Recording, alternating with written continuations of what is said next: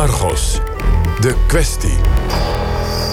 Ik was decaan van de faculteit. Ik heb vele verplichtingen. Ik heb in die tussentijd veel externe promovendi eh, begeleid. Eh, een heleboel succesvol. Naar volle tevredenheid. En een deel van die activiteiten die te maken hebben met eh, nader onderzoek naar databronnen, et cetera, zijn uitbesteed. Ik vraag u gewoon, zijn vaak 30.000 euro voor een promotie gegaan naar het bedrijf Isolo Ticera. Dat is niet één keer gebeurd, maar vaak. En dat gaat om eh, tonnen in totaal, bij elkaar opgeteld. Wat is dat voor een soort bedrijf? Waar, waar zijn zij goed in? Nou, ze zijn onder andere goed in mij ondersteunen. Ja, het is een eh, schoonheidssalon. Dat is alleen maar degene die daar de eigenaar over is. En daarnaast werken er mensen... In... Ik heb begrepen dat zij heel goed zijn in nagelslakken en in uh, Dat is allemaal flauwekul epileren en zo? zegt. Dat is allemaal flauwekul. Dat is alleen datgene die de eigenaar daarvan doet. En die huurt krachten in voor dit begeleiden. En dat kan allemaal en dat is allemaal conform de wet. U hoorde een fragment uit de Argos van 18 februari jongstleden... over de Tilburgse hoogleraar Arie de Ruiter... die door de Tilburgse Universiteit grote sommen geld liet uitbetalen... aan bedrijven van familieleden, waaronder dus een schoonheidssalon. Aan tafel collega Kees van der Bos. Kees, je hebt die uitzending tien weken geleden gemaakt... samen met Sanne Terling en Huub Jaspers... die we net hoorden in gesprek met professor de Ruiter zelf. Waarvoor werden die betalingen nou precies verricht? Uh, dag uh, Max. Die betalingen die, uh, werden verricht om meneer De Ruiter te helpen... bij zijn begeleiding van promovendi. En promovendi zijn mensen die nadat ze een, een doctoraaltitel... of een master, heet dat tegenwoordig, hebben behaald... een dokterstitel willen behalen. En dat is een belangrijke taak van hoogleraren... om mensen daarbij te begeleiden. Meneer De Ruiter had het daar nogal druk mee. Hij deed nogal veel van die begeleidingen. En dat loste hij onder andere op door een deel van die begeleiding uit te besteden. En zoals we net gehoord hebben, dat was het opmerkelijke... was dat uitbesteden aan onder andere een schoonheidssalon... en dan ook nog een schoonheidssalon van een nicht van hem. Dus toch, of een neef van hem. Is toch een beetje apart. En om hoeveel geld zou het nou precies zijn gegaan... dat uh, uitdelen van geld aan... Uh familieleden? Ja, dat gaat niet om kleine bedragen. Dat gaat in totaal waarschijnlijk om meer dan een miljoen euro. De uitzending van Argos trok uh, destijds in februari nogal wat publiciteit. Het leidde ook tot kamervragen. Maar er is ondertussen nog meer gebeurd, hè? Ja, er was eigenlijk ook nog meer aan de hand. Uh, alhoewel dat, dat dus meneer De Ruiter bleek, behalve decaan aan de Universiteit van Tilburg... op enig moment ook directeur van de NCDO, een ontwikkelingsorganisatie. Ja, een ontwikkelingsorganisatie. In, in, Amsterdam zitten die. Ooit door Prins Klaus uh, opgericht. Ja. Commissie Klaus. Commissie ja. Klaus. Um, een goede doelenclub, laat ik het zo maar even noemen. Gek genoeg kreeg hij daar ook weer een topsalaris betaald... omdat hij interimmer was. Terwijl hij dus al een baan had aan de Universiteit van Tilburg. En dan had hij nog twee dagen in de week... was hij lector aan de politieacademie. Um, uh, dat is ook een beetje raar. En hij is de maandag na de uitzending opgestapt uh, bij de NCDO. Uh, hij is zelf opgestapt, zoals dat dan heet... maar ik denk dat daar ook wel enige uh, gesprekken aan vooraf gegaan zijn. En nog opmerkelijker, misschien drie weken na de uitzending in maart... Uh, is de politie bij hem binnengevallen. En bij zijn neef en bij zijn nicht. Dan heeft hij drie dagen in de gevangenis gezeten... in het kader van een justitieel onderzoek naar fraude. Nou ja, dat gaat allemaal om de financiële kant van deze zaak dan. Ik wil het eigenlijk met je over iets anders hebben, Kees. Namelijk uh, de vraag hoe het staat met de wetenschappelijke kwaliteit... van al die proefschriften die ja. door professor De Ruiter zijn begeleid. En uh, ja, voor een deel dus werden uitbesteed aan bedrijfjes. Ja. Uh, daar zijn ontwikkelingen in. Zeker. Kijk, dit is een gevoelig punt voor de universiteit. Die kwamen bij de vorige uitzending op een bepaalde manier nog goed weg, zou je kunnen zeggen. Het is natuurlijk nooit leuk als zoiets aan je universiteit gebeurt, maar ze hadden het zelf ook geconstateerd. Ze hadden al een aanklacht of een, een klacht ingediend bij het Openbaar Ministerie. Ze hadden de zaak aanhangig gemaakt, dus ze hadden, zou je kunnen zeggen, de zaak zelf ook al onderzocht. Maar dit raakt uh, de wetenschap. Wat, wat, daar zijn wij, die vraag hebben we de laatste weken uh, gesteld. Hoe zit het met de wetenschappelijkheid van die promoties? Hè? Je, je hebt er reden om daar dan ook aan te gaan twijfelen. En dat ligt gevoelig. Tilburg, weten we allemaal nog, daar zat het tot voor een paar jaar geleden Diederik Stapel. En die, Ken de psycholoog. Ja, en die had ook nogal veel uh, onderzoeken en promoties die achteraf uh, waarmee gesjoemeld was. Weliswaar niet met geld, maar dan met. Uh, wetenschappelijke... Feiten. Met feiten. Hoe zou dat bij Arie de Ruiter zijn? Nou, dat vroeg het college van bestuur zichzelf ook al af. Dus die hebben een commissie in het leven geroepen van drie wetenschappers. om eens te laten kijken naar die enorme hoeveelheid proefschriften. Je hebt het dan over meer dan 40 uh, proefschriften. Daar komen we zo nog wel op. Uh, hoe zit het met de wetenschappelijkheid? Uh, daarvan. En dat rapport is na onze uitzending openbaar geworden. En wat zijn de conclusies daarvan, van dat rapport? Ja, dat is eh, altijd ingewikkeld bij zo'n. De conclusies, als je alleen naar de conclusies kijkt, en zo is het ook in de pers gekomen, dan valt het best mee. Ik herinner me de kop eh, bij de NOS, die was bijvoorbeeld... er is niet geconstateerd dat één of meerdere proefschriften... een doctoraat niet rechtvaardigen. Nou, dat klinkt uh, geruststellend. Zo is het. Um, maar je moet je ook voorstellen wat het zou betekenen... dat een commissie achteraf zegt... u bent, uh, hebt een dokterstitel gekregen, die pakken wij van u af. Dan moet je het wel heel erg bond gemaakt hebben. En als je dat rapport leest, en ik heb het hier uh, bij me... dan staat daar uh, nou, staan daar zeer ernstige kwalificaties in over de wetenschappelijkheid van. Uh, uh, die rapporten. Ja, er wordt het samengevat in de prachtige Engelse term questionable research practice. Dus een twijfelachtige researchpraktijk. Eigenlijk zeggen ze: het is allemaal, het zijn zesjes, het zijn magere proefschriften. Je kan net niet zeggen dat ze niet beloond hadden mogen worden. Maar laten we dit alsjeblieft nooit meer zo doen. En het waren er vooral heel erg veel. En het waren er vooral heel erg veel. Uh, collega Els Onink, uh, die heeft dat uh, voor ons allemaal uitgezocht. en je komt dan op 48 proefschriften die gedaan zijn. onder leiding van de, meneer De Ruiter. Hij deed er enig, enig jaar zeven of acht per jaar. Ik heb het ook met andere hoogleraren daarover gehad. Ja, dat vinden mensen al heel raar. Zeven promovendi per jaar die je laat promoveren. Dat wil zeggen, dan heb je dus heb je ongeveer 25 lopen. Want na vier jaar komt het pas. Goed, we hebben dat rapport van die uh, Utrechtse, of de opdracht van de Tilburgse Universiteit, hebben we voorgelegd aan uh, de Graaf. Dat is een expert op dit terrein, die is hoogleraar integriteit van wetenschappelijk onderzoek van de VU in Amsterdam. En de Graaf noemt het ook, wat ik net al zei, opmerkelijk hoeveel promovendi Arendt de Ruiter begeleiden. Hij begeleidde zeker heel veel promovendi. Het betreft ook nog allemaal, begrijp ik, externe promovendi. Ja, het zijn allemaal buitenpromovendi. Ja. Nou is het natuurlijk wel zo dat een decaan het heel erg druk heeft. Dus wat dat betreft is het extra opvallend om zoveel promovendi per jaar af te leveren. Ik heb begrepen 7 à 8 per jaar. Dat is een behoorlijk hoog aantal om als eindverantwoordelijke als promotor te doen. En uh, wat vindt u van zijn verdediging? Dat hij zegt van ja, maar ik had het ook heel druk en ik leverde en ik heb geen kritiek gehad. Ja, zo erg is het toch helemaal niet? Het riep bij mij op zijn minst de vraag op wat hij bedoelt met ik leverde en het is succesvol geweest. Ik functioneerde naar volle tevredenheid, eh, zei hij verschillende keren. Volle tevredenheid van wie ongetwijfeld ook van de Universiteit van Tilburg in dit geval. Dan vraag je natuurlijk wel af in welke termen hij tevreden is. Als ik kijk naar het rapport van de commissie Hol, dan staan daar kwalificaties in dat uiteindelijk de kwantiteit boven de kwaliteit ging. Die commissie geeft niet hoog op van de algehele kwaliteit van de geleverde proefschriften en schrijft zelfs dat het geheel bij elkaar van onvoldoende kwaliteit is voor één onderzoeksgroep of leerstoel. Nou, dan is duidelijk dat de kwaliteit uiteindelijk niet het hoofddoel was. En kun je je gaan afvragen van wat is dan wel het hoofddoel geweest van deze grote hoeveelheid promoties.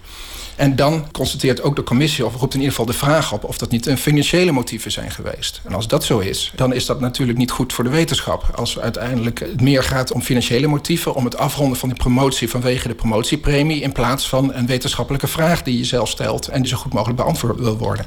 Waarmee de verdenking op zich wordt geladen dat het om een soort promotiebedrijfje ging... waarbij het met name ging om die gelden. En waarom is dat erg? Als wij willen dat zoveel mogelijk goed kwalitatief onderzoek doen... dan door het financieringssysteem hier zijn middelen naar dit onderzoek gegaan... in plaats van dus ander wetenschappelijk onderzoek. En de vraag is of we dan ons geld wel op de best mogelijke manier verdelen... en of we wel zo goed mogelijk wetenschappelijk onderzoek krijgen. Ik wil ook wel benadrukken dat ik het heel sterk vind van de Universiteit van Tilburg... dat zij zo'n rapport met buitenstaanders hebben laten schrijven. Dus ze hebben serieus aan buitenstanders gevraagd... van kijk je nou eens kritisch naar... Maar er staan dus een aantal kwalificaties in. Ik heb er zojuist een paar genoemd. Die mij als universiteit wel zouden raken. En ik ben ook wel benieuwd wat de reactie van de universiteit daarin is. En of er ook maatregelen worden genomen ten aanzien van dit soort praktijken in de toekomst. En het lijkt mij dat elke universiteit, elke faculteit dat niet moet willen. En dat ook in de toekomst zou willen voorkomen. Ja, Geld Graaf, hoogleraar integriteit van het wetenschappelijk onderzoek aan de VU in Amsterdam. Kees, die ja, dus de indruk heeft dat Arie de Ruiter een soort promotiebedrijfje had. Dat moest dienen als verdienmodel voor de Universiteit Tilburg. Ja, promotiefabriek, dat is misschien wel een mooie term. Dus er werden daar aan de lopende band promoties afgeleverd. Wat is nou het verdienmodel? Je, je krijgt als universiteit, of je kreeg toen, nu is het iets minder, ruim 90.000 euro voor zo'n promotie. We hebben het hier over zogeheten buitenpromovendi. Dat is bijvoorbeeld ja, een commissaris van politie of misschien een, eh, een journalist. Of wie dan een ook. oudere journalist die nog wil promoveren. Ja, en die, die klaar is met zijn carrière en die dan uh, terugschouwt. Onder begeleiding van professor Arie de Ruiter doet hij dat op een wetenschappelijke manier. Geholpen door een, de schoonheidssalon van de nicht van meneer de Ruiter. maar ik wilde maar mee zeggen, voor de universiteit is het lucratieve, zijn lucratieve zaken. Want die krijgen 90.000 euro als zo'n man promoveert. Nou, Arie de Ruiter heeft er als decaan per promotie... in elk geval bij een aantal promoties 30.000 euro van afgetrokken. Dat moest naar die schoonheidssalon. Blijft toch nog over 60.000 eh, euro. Uh, we hebben het dus over uh, eh, 48 promoties. Deze week is dat ook op een rij gezet door het blad van de Tilburgse Universiteit Univers. Die komen tot 32 in de periode dat uh, Arie de Ruiter decaan was. We, hebben het nog, we waren er ook mee bezig, we hebben het nog iets ruimer geteld. Ook de, daarvoor de jaren en de jaren daarna. Dan kom je op 48 promoties. Nou, dat is, als je dat met 90.000 vermenigvuldigt... zit je boven de 4 miljoen. Uh, promotiefabriek is een mooie term. Ja, dat voor promoties die voor een deel niet, ja, niet meer dan een zesje verdiende, zeg maar. Ja, ja, ja, ja, ja. Volgens het uh, uh, oordeel van de evaluatiecommissie... die door de Universiteit van uh, Tilburg is ingesteld is er dus wel wat aan de hand. En in de tussentijd heeft ook het zogeheten Promovendi-netwerk Nederland aan de bel getrokken. We gaan even luisteren naar de voorzitter van dat Promovendi-netwerk. En dat is Rolf van Wegberg. Wat ons zorgen baart is dat er door de universiteit niet gevraagd is... goh, hoe kunt u zoveel tijd vrijmaken om zoveel promovendi te begeleiden? Maar eigenlijk het omgekeerde is gebeurd. Waarbij de universiteit begeleidingswerkzaamheden die eigenlijk zij zelf hebben moeten verrichten... door derden hebben laten doen. Waardoor we eigenlijk op dit moment twijfels hebben of die kwaliteit van die begeleiding dan wel op het niveau was die we eigenlijk zouden willen dat die is. Wat de commissie stelt is dat als je de bandbreedte bekijkt die uh, proefschriften normaliter aan kwaliteit hebben, is dat de proefschriften die hier afgeleverd zijn... aan de onderkant van die bandbreedte zitten... maar wel boven de drempel zitten wat een proefschrift zou moeten zijn. Ja. Als ik gepromoveerd zou zijn bij professor De Ruiter de afgelopen jaren... en ik zou dat rapport nou lezen van die evaluatiecommissie... dan zou ik me toch wel diep schamen. En dan zou ik denken, iedereen die dat leest... die denkt nou dat ik broddelwerk verricht heb. Ja, ik denk dat in dit geval natuurlijk de individuele promovendus ook graag wil weten. Misschien ook wel dat de buitenwacht zou willen weten over welke proefschriften dat dan precies gaat. Maar ik vind aan de andere kant wel dat dat een zaak is van de universiteit. En dat dat in eerste instantie de promovendus en de universiteit betreft. En niet gelijk de buitenwacht betreft. Nou. Nu wordt misschien wel ten onrechte iemand die een uitstekend proefschrift gemaakt heeft, onder verantwoordelijkheid van Arie de Ruiter, die wordt er nou misschien toch wel door de buitenwacht op aangekeken alsof hij broddelwerk gedaan zou hebben. Precies, en ik denk dat we daarvoor moeten waken. En, en, daarom zou ik ook willen stellen dat dit een incident is wat een les moet zijn voor de toekomst. Dat we niet dit incident gebruiken om daarmee de wetenschappelijke kwaliteit van alle proefschriften die zijn afgeleverd onder verantwoordelijkheid van uh, Arie de Ruiter als zeer slecht te bestempelen. Wat denk ik hier de les moet zijn, en dat is ook de oproep die we namens het netwerk hebben gedaan, is zorg ervoor dat adequate en professionele begeleiding door universiteiten aan promovendi, dat dat de stelregel is. En vraag je misschien als universiteit af, kan een hoogleraar überhaupt tijd hebben om tien promovendi te begeleiden? Nou. En ik denk dat die groeiende achterliggende vraag dat dat iets is wat bij universiteiten helder en duidelijk als een taak ook moet liggen. Uh, dat zij ervoor zorgen dat niet alleen promovendi gevolgd worden, maar ook dat de begeleiders van de promovendi gevolgd worden. In die zin dat zij misschien wel even een gesprek aan moeten gaan met personen die heel veel promovendi begeleiden. En dan is de vraag, hebben zij daar wel genoeg tijd voor? Ja, dat was Huub Jaspers in gesprek met Rolf van Wegberg... voorzitter van het Promovendi-netwerk Nederland. Ja, die een boeiend uh, probleem opwerpt natuurlijk. Uh, liever strengere regels wil voor uh, hoogleraren... die heel veel promovendi begeleiden... omdat nu de goede onder de kwade kunnen leiden. Kees van der Bos, hier aan tafel. Nou wordt een proefschrift niet alleen beoordeeld door één hoogleraar. Er zitten meer hoogleraren in een promotiecommissie... die ook allemaal hun zegje mogen doen. Hebben die in dit geval zitten slapen? Um, dat is een goede vraag, dat weet ik niet. Um, wat we gedaan hebben wel, is hebben op een rijtje gezet... en dat heeft de Univers, uh, het blad van de, van de Universiteit Tilburg ook gedaan... Uh, wie er nou in die commissie zaten. En dan valt er wel iets op. Uh, John Rijsman, uh, hoogleraar, 24 keer in 24 van de uh, 48 proefschriften. Leo Witvliet, uh, collega van de Ruiter bij de politieacademie, heeft samen met de Ruiter een bedrijfje. 22 keer zat hij erin. Eh, Paul Verweel zat er 20 keer in, ook een collega. Gerda van Dijk is mediator bij de NCDO, die club waar de Ruiter voorzitter van was en directeur werd, 15 keer. En uh, zelfs uh, Selma van Londen, mevrouw de Ruiter... Uh, die zat vier keer in de promotiecommissie. dat viel ons niet alleen op, dat is ook die, die commissie Hol opgevallen... die dat rapport heeft geschreven. alleen, ja, je kan er je hoofd bij schudden... maar het bewijst nog niks. Maar het waren wel een beetje ons kent ons commissies. Nou, dat, uh, daar lijkt het erg op. En het is toch bekend bij... Kijk, als het nou gebeurt bij een heel beperkt vakgebied... waar maar een paar mensen elkaar kennen... is dat begrijpelijker. Bij de sociale wetenschappen zitten ze over het algemeen niet verlegen... om hoogleraren. Uh, en het, het, de commissie Hol concludeert ook... dit gaat over een heel scala van vakgebieden. Dus dat was niet nodig geweest... dat er zo'n beperkte groep uh, zat. We begonnen dit gesprek met de mededeling dat het Openbaar Ministerie naar de financiële kant uh, kijkt, hè, de FIOT. Is daar wat over bekend, over de vorderingen in dat onderzoek? Nee, we hebben van de week nog gebeld met ze. Uh, nee, dus het onderzoek loopt. En wat is eigenlijk de reactie van de Universiteit Tilburg op al deze verwikkelingen? De Universiteit Tilburg heeft, daar hebben we ook van de week weer uh, gesproken. En die zegt, uh, de commissie Hol, dus dat uh, rapport hebben we laten maken... daar hebben we vooralsnog niets aan toe te voegen. dus daar blijft het stil.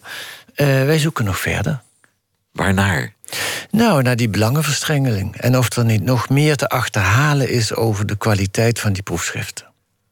En naar wie er in die promotiecommissies hebben gezeten. Ja, en hoe dat in zijn werk is gegaan. Wat deed zijn vrouw er eigenlijk? Thelma van Londen in? Nou, die is op zich wel wetenschappelijk gekwalificeerd. Uh, um, ja, ik hoorde van de week ook dat toen Arie de Ruiter aangesteld is als hoogleraar in Tilburg... dat een van zijn dingen die hij bedongen heeft... dat zijn vrouw dat dan ook een baantje zou krijgen. Ik vind dat toch een beetje Franse toestanden, zal ik maar zeggen. Een beetje raar.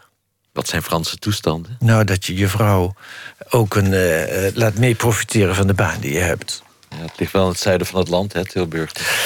Nou, laten we het daar niet over hebben. Mag ik je bedanken voor je komst, eindredacteur van Argos, Kees van den Bos. En dit was Argos op deze zaterdagmiddag.